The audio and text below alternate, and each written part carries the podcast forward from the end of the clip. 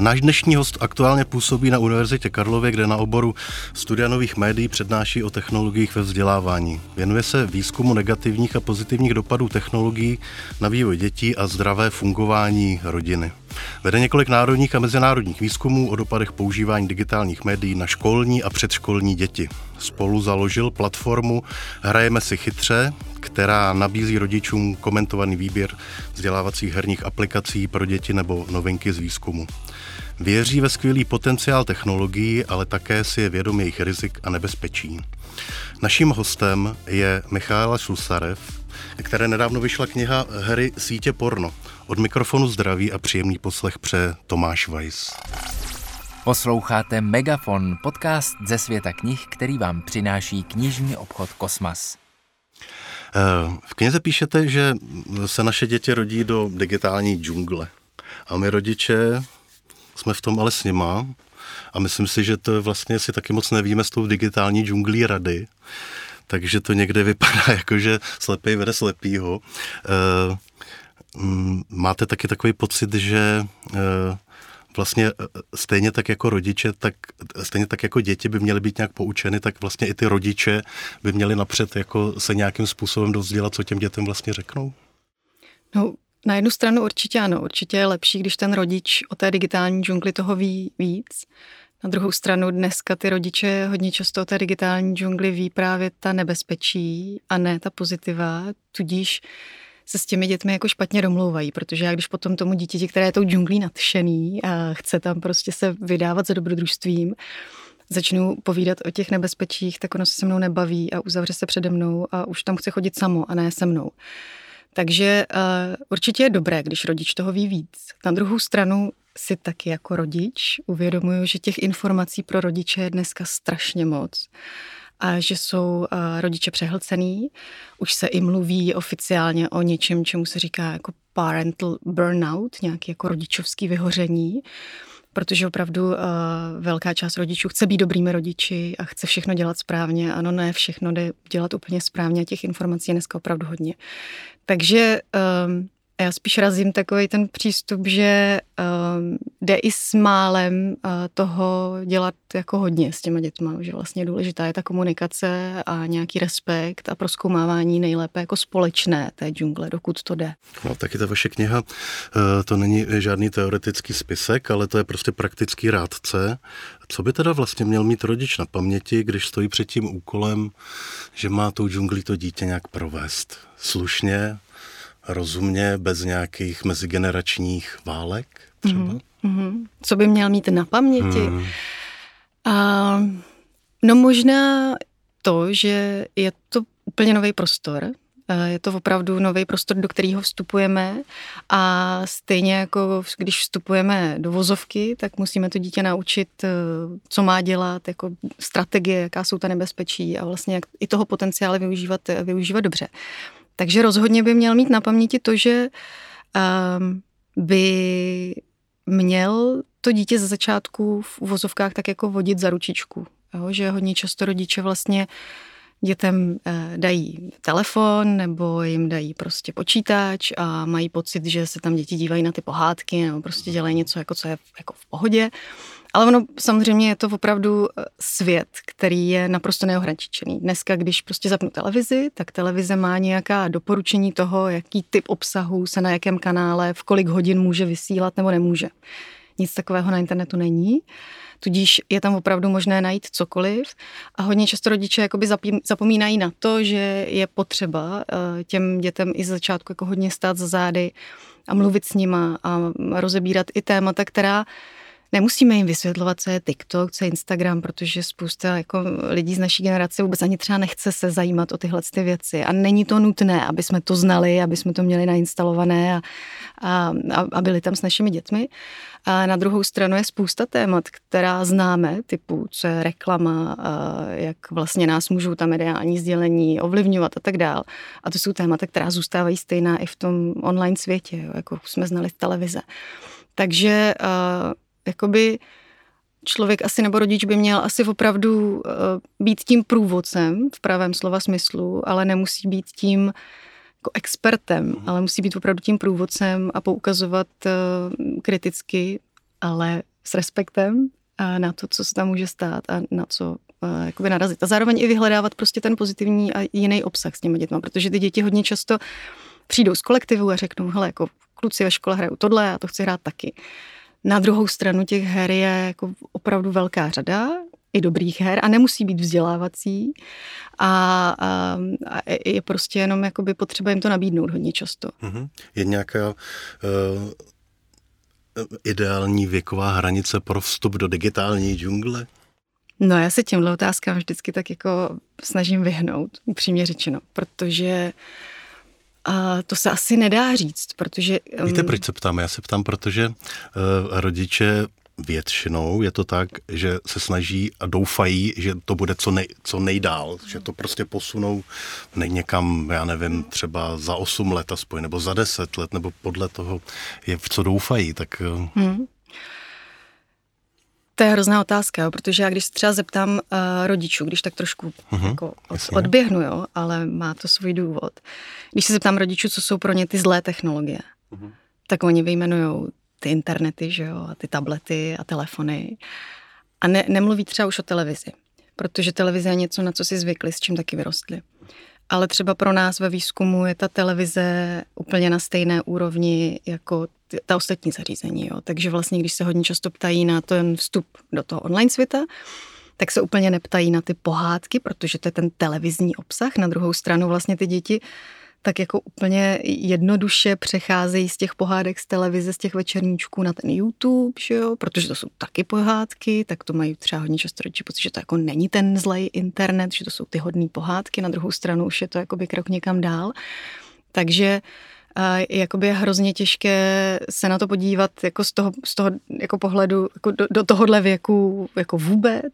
Jako mluví se o tom, že do dvou let by děti neměly vůbec sledovat žádné obrazovky. Já to teda nazývám opravdu tím slovem obrazovky, kam teda spadá i ta televize a, a potom nějakým způsobem postupně.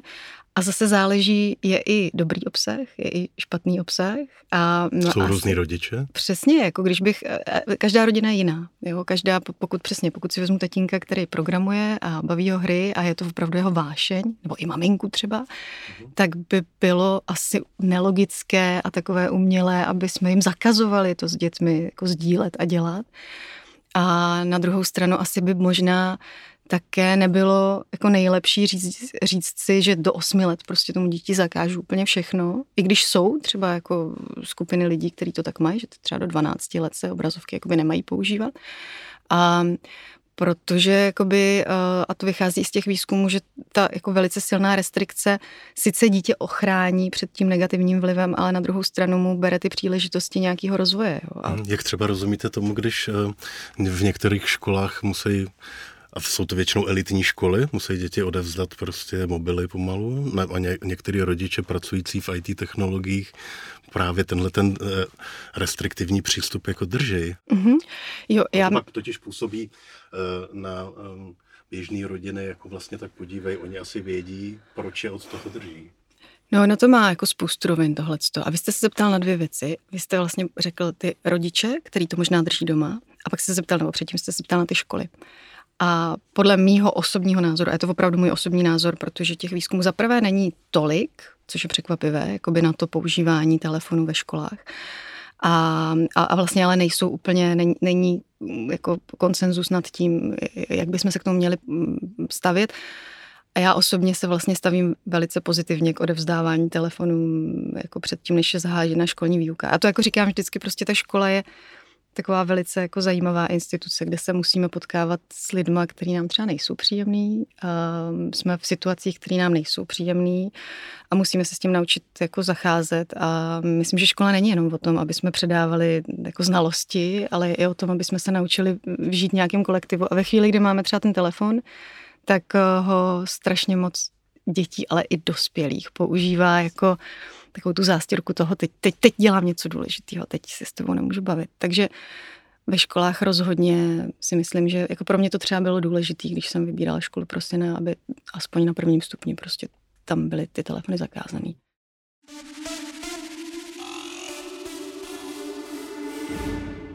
A ty rodiče, kteří třeba mají já nevím, pracují v nějakých pozicích v různých IT firmách a, po, a potom vlastně na ty člověk by si řekl, že jejich děti budou ověšeny všelijakými digi přístroje a oni vlastně drží v nějakém téměř mnižském jako Někteří ano, někteří ne. Já vím, že tohle je vlastně to, o, o čem jsem mluvila, když jako Steve Jobs to měl takhle s svýma dětma a Silicon Valley um, tam takhle v tomhle tom jede. Um, já vlastně, um, já vlastně nevím. Já jsem se setkala vlastně se spoustou rodin, kde tohle tenhle přístup byl vyprovokovaný takovým jako až možná nezdravým strachem z toho digitálního světa. A ten nezdravý strach může zase přinášet spoustu jako dalších problémů a ty děti potom, když třeba v těch 12 letech dostanou ten telefon a vstoupí do té digitální džungle najednou a nejsou připraveni jak nějak jako průvodcovstvím a v těch 12 letech už jako rodič těžko může dělat průvodce, protože to je prostě věk, kdy ty děti nechtějí třeba tolik být s tím rodičem a nenechají se kontrolovat. A vlastně, kdyby jsme ty děti kontrolovali v tomhle věku, tak bychom naopak narušovali ten náš vztah.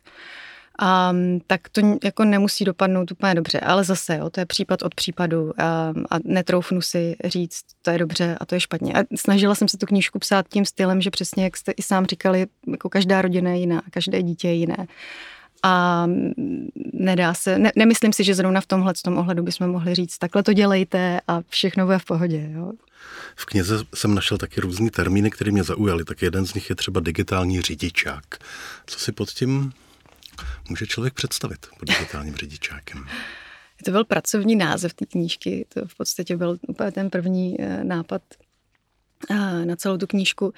Já jsem to tak nějak pojímala v tom slova smyslu, že eh, když právě vstupuju do toho silničního provozu, a tady bychom řekli jako do té digitální džungle, tak musím znát spoustu věcí o tom, jak se tam chovat, jak se tam nechovat, na co si dávat pozor, co jsou ty signály nějakých nebezpečí a jak se chovat i k ostatním.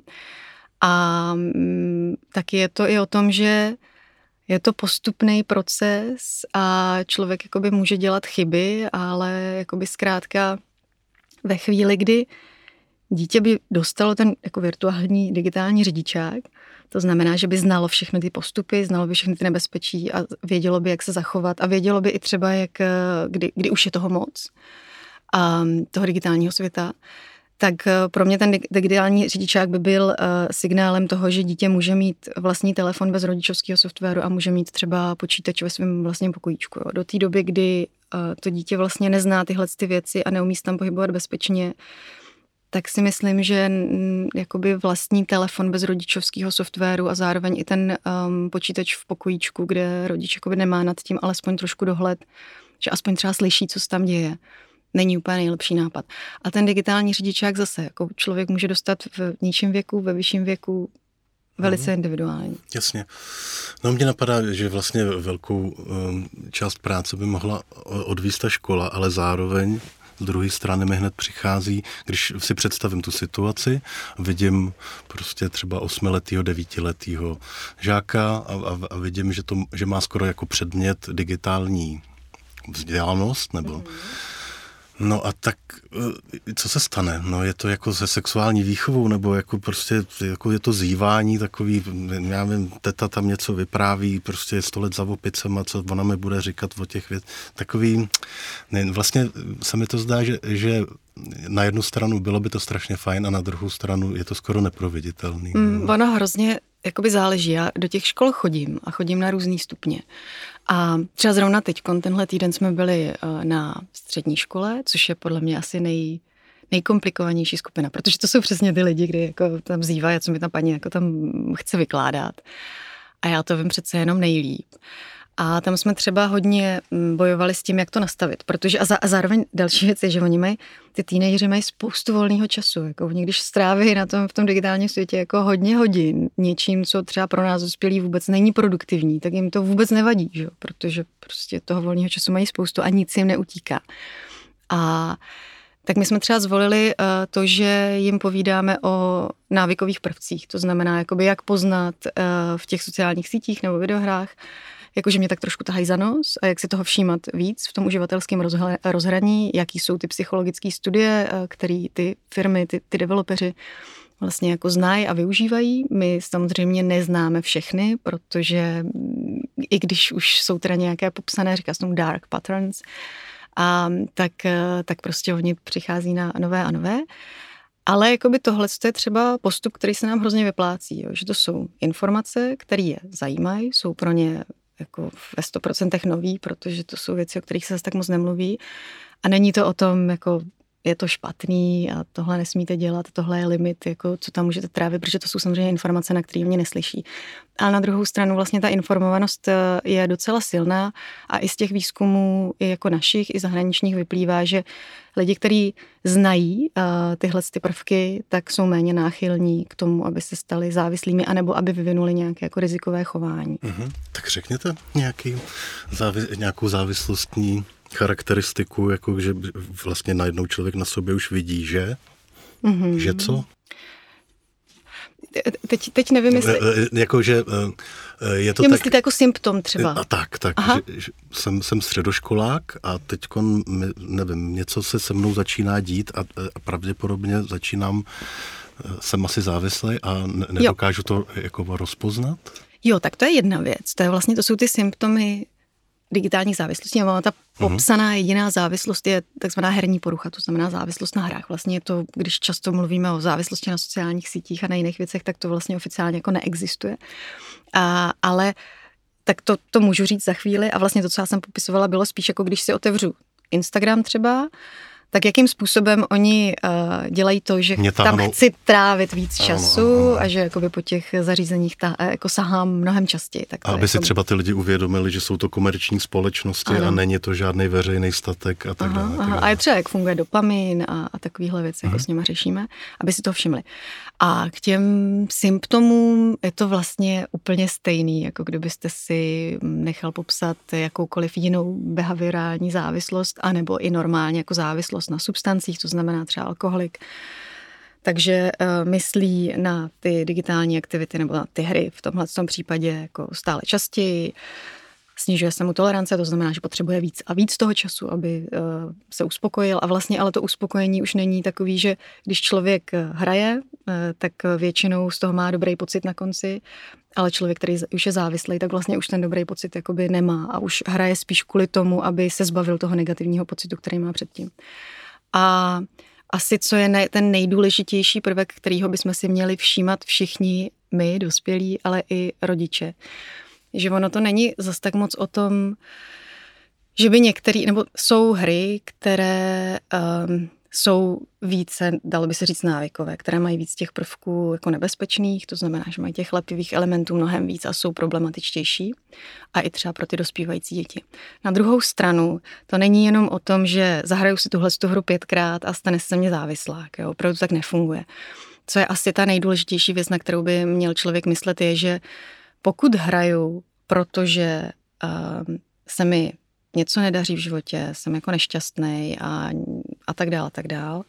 A hraní her se stalo takovým jako ultimátním prostředkem řešení jakýhokoliv problému. Stalo se jakoby takovou strategií, jak se vypořádat se svými problémy v životě. Nebo tím nahrazuju vlastně ten svůj ano. život, který skoro žádný jako nemá. Přesně tak, přesně tak. Tak v tu chvíli jakoby máme nakročeno k něčemu velice problematickému. Jako stejně tak, jako když alkoholik, jak se říká, začne zapíjet smutek, tak je to tak jakoby jeden krok k tomu, aby se stal třeba alkoholikem nebo člověk prostě.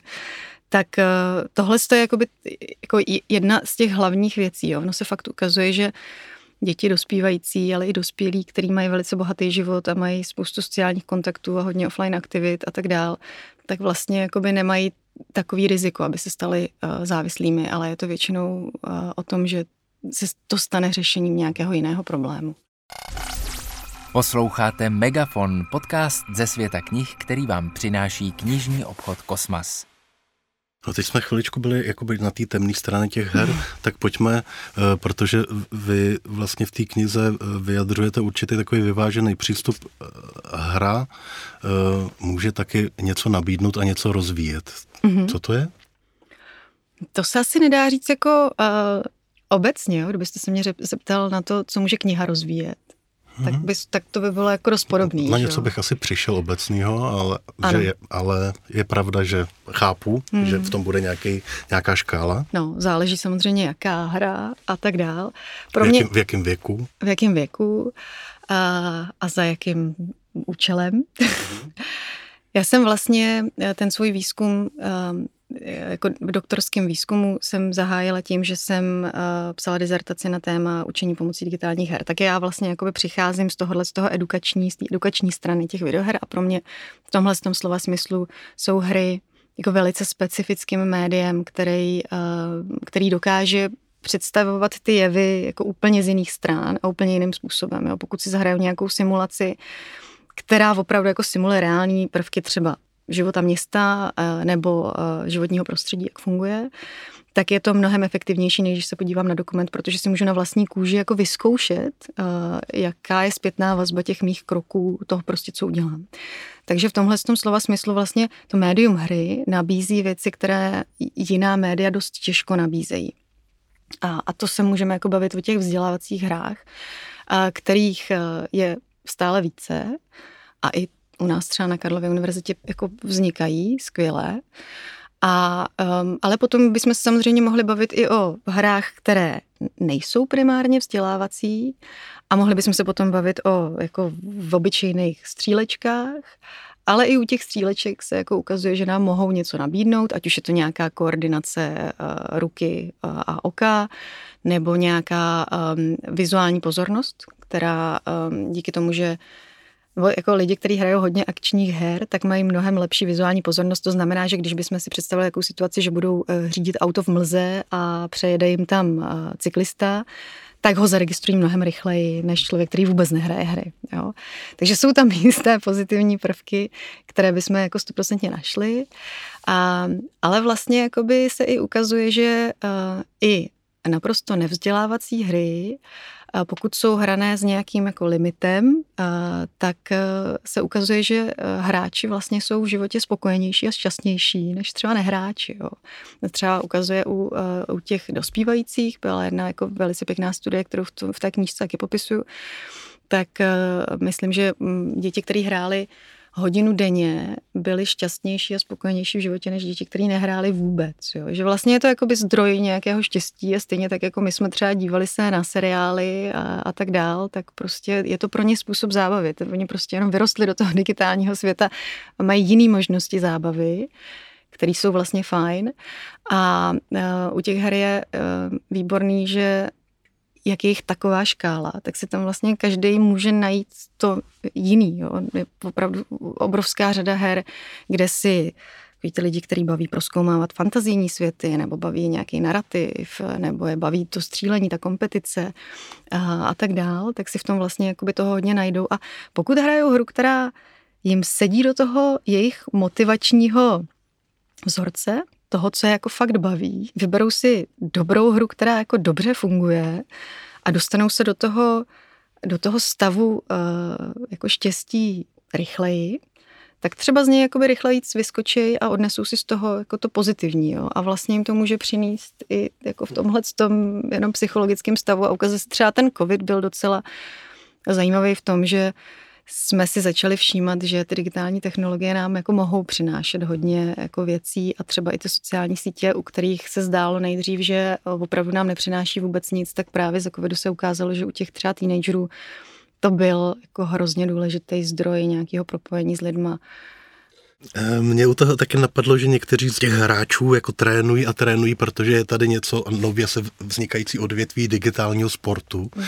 vlastně vrcholového, to znamená, že někdo z teenagerů si říká, že jednoho krásného dne bude prostě tím sportem vydělávat strašný peníze a že to bude eh, to ještě bude rodina koukat, jaký on no, bude mít určitě. konto. Určitě. Ale jako jo, a je spousta, eh, spousta lidí, kteří uspěli a třeba azijské země jsou v tomhle tom jako hodně napřed, by se dalo tak v vozovkách říct.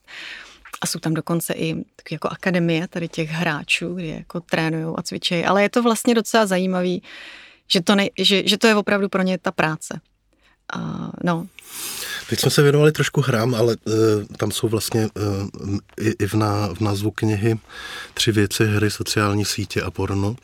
Sociální sítě. Nemají pravdu ty, kteří mluví o sociálních sítích, spíš jako o asociálních sítích. To znamená, že vlastně eh, ta, ten kontakt je z jejich pohledu falešný, není celý a, a vlastně vytváří nějakou fejkovou jako realitu. To je právě ta věc, kdy já jsem pro mě, ta, um, ta část knihy o sociálních sítích byla asi úplně nejsložitější, protože sociální sítě mohou být asociální, jak říkáte, a mohou být velice sociální. A je vlastně, je, je to opravdu o tom, jak k ním přistupujeme, jakým způsobem je používáme a kdo stojí na té druhé straně. A mohou být asociální. Mohou být asociální v tom slova smyslu, že když právě třeba ve škole se skovávám před svýma kamarádama tím, že lezu na Instagram a sleduju tam nějaký, jako, mm, nějaký influencery, který v životě neuvidím a vlastně jako by se, se, se mi stanou důležitějšíma postavama v mém životě než ty lidi okolo mě, tak to může být velký problém. Na druhou stranu, pokud využívám sociální sítě tak, jak bych asi řekla, jako většina uživatelů, ať už dospělých nebo dětí nebo dospívajících. To znamená, že tam komunikuju se svýma kamarádama. Tak to naopak může být docela jako um, zdroj nějakého prohloubení toho vztahu. Ukazuje se, že uh, lidi, kteří používají sociální sítě pro komunikaci s lidmi, který znají, se kterými se baví v reálném životě, tak naopak e, to může mít jako velice pozitivní e, vztah. Třeba jako by naše generace opravdu, nebo moje, když budu mluvit za sebe, tak my jsme nebyli úplně moc zvyklí mluvit o nějakých intimních tématech anebo prostě o nějakých emocích, protože to zaprvé to nebylo tolik pojmenované jako dneska. A bylo to hodně tabu třeba a bylo pro nás těžké to otevřít oči do očí. A teď se ukazuje, že vlastně ta generace dneska takový problém nemá a ukazuje se, že možná i ty sociální sítě nebo ty komunikační platformy v tom docela dost pomohly, protože když se skovám za tu obrazovku, tak je pro mě jednodušší to téma otevřít, což se na první pohled může zdát velice asociální. Na druhý pohled uh, jakoby se ukazuje, že fakt ty děti potom nemají problém se s těma lidma o tom bavit i v tom reálném životě, protože za prvý to vyzkoušeli v tom online světě a zjistili, že to není tak hrozný a za druhý jakoby připravili trošku ten terén a už je jednodušší ta témata otevírat. A fakt jako dneska ta generace je opravdu jiná. Jo. O těch věcech mluví úplně mnohem otevřeněji, než to, co třeba znám já. Jo. Možná zase jsem žila v nějaký bublině.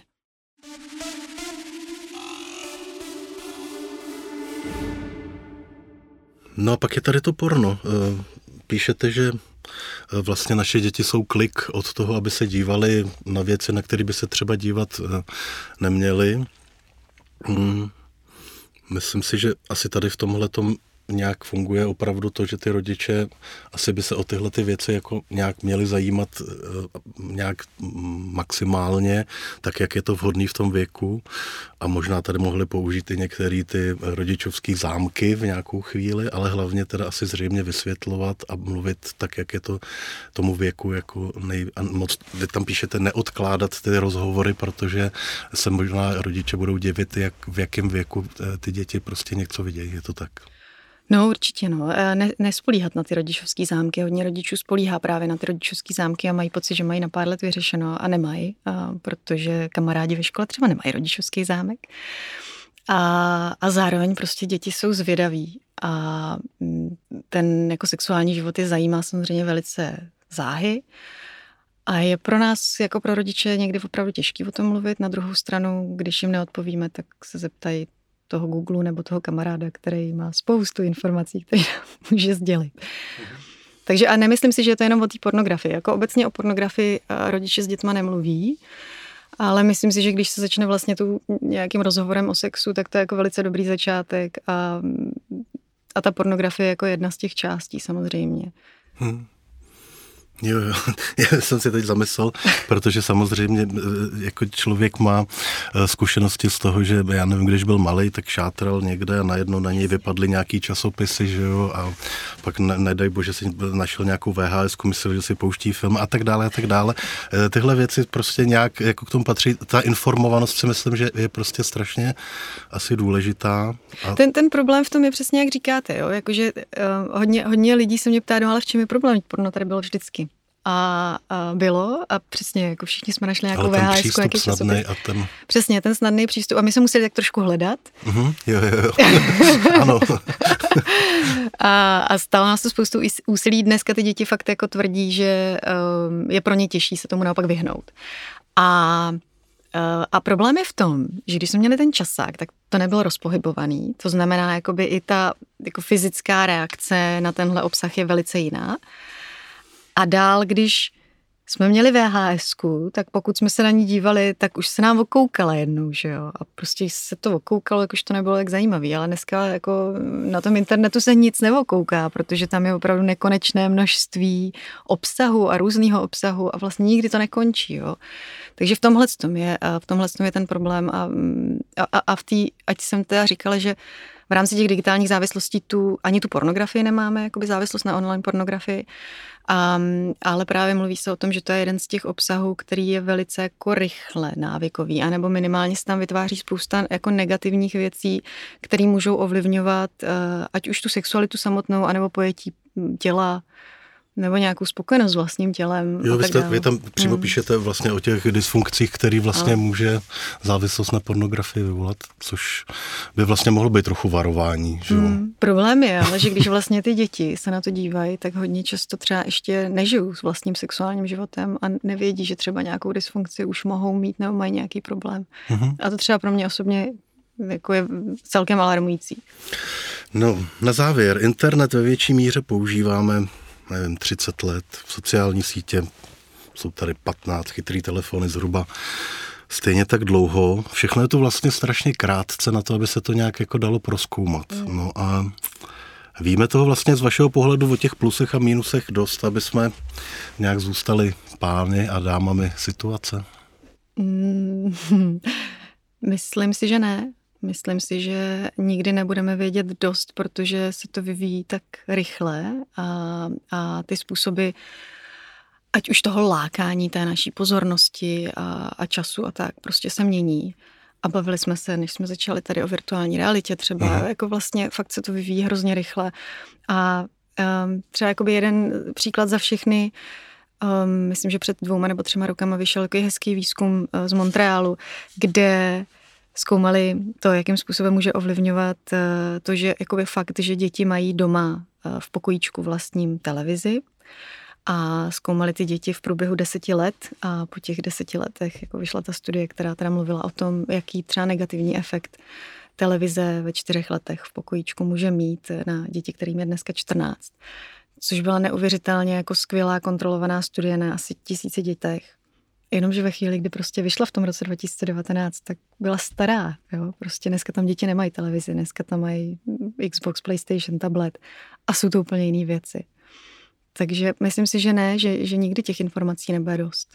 A, a musíme být pořád obezřetní. A, a rozhodně, rozhodně jako média, ať třeba mám k ním víceméně jako nějaký obezřetný vztah, ale i pozitivní dost, tak jakoby um, mění rozhodně to, jakým způsobem přemýšlíme, jakým způsobem fungujeme a jakým způsobem se chováme a musíme vlastně se jako neustále snažit tohle to uvědomovat, což se stává být těžším a těžším, protože se to stalo vlastně ty digitální zařízení fakt se stalo tou vodou pro tu rybičku, která v té vodě prostě žije v tom akváriu, prostě už jako nevidíme. A je těžký si uvědomit, jaký všechny vlivy, ať už pozitivní nebo negativní nás má. A tím dnes povídání o benefitech a úskalých pobývání v digisvětě skončíme. O knize Hry sítě porno jsme si povídali s její autorkou Michalou Slusarev. Děkuji moc krát. Já děkuji. A s lehkým upozorněním, že i váš poslech tohoto podcastu samozřejmě zanechá na internetu svoji stopu, která bude přeměněna na megadata, se od mikrofonu loučí a příště se na setkání těší Tomáš Vejs.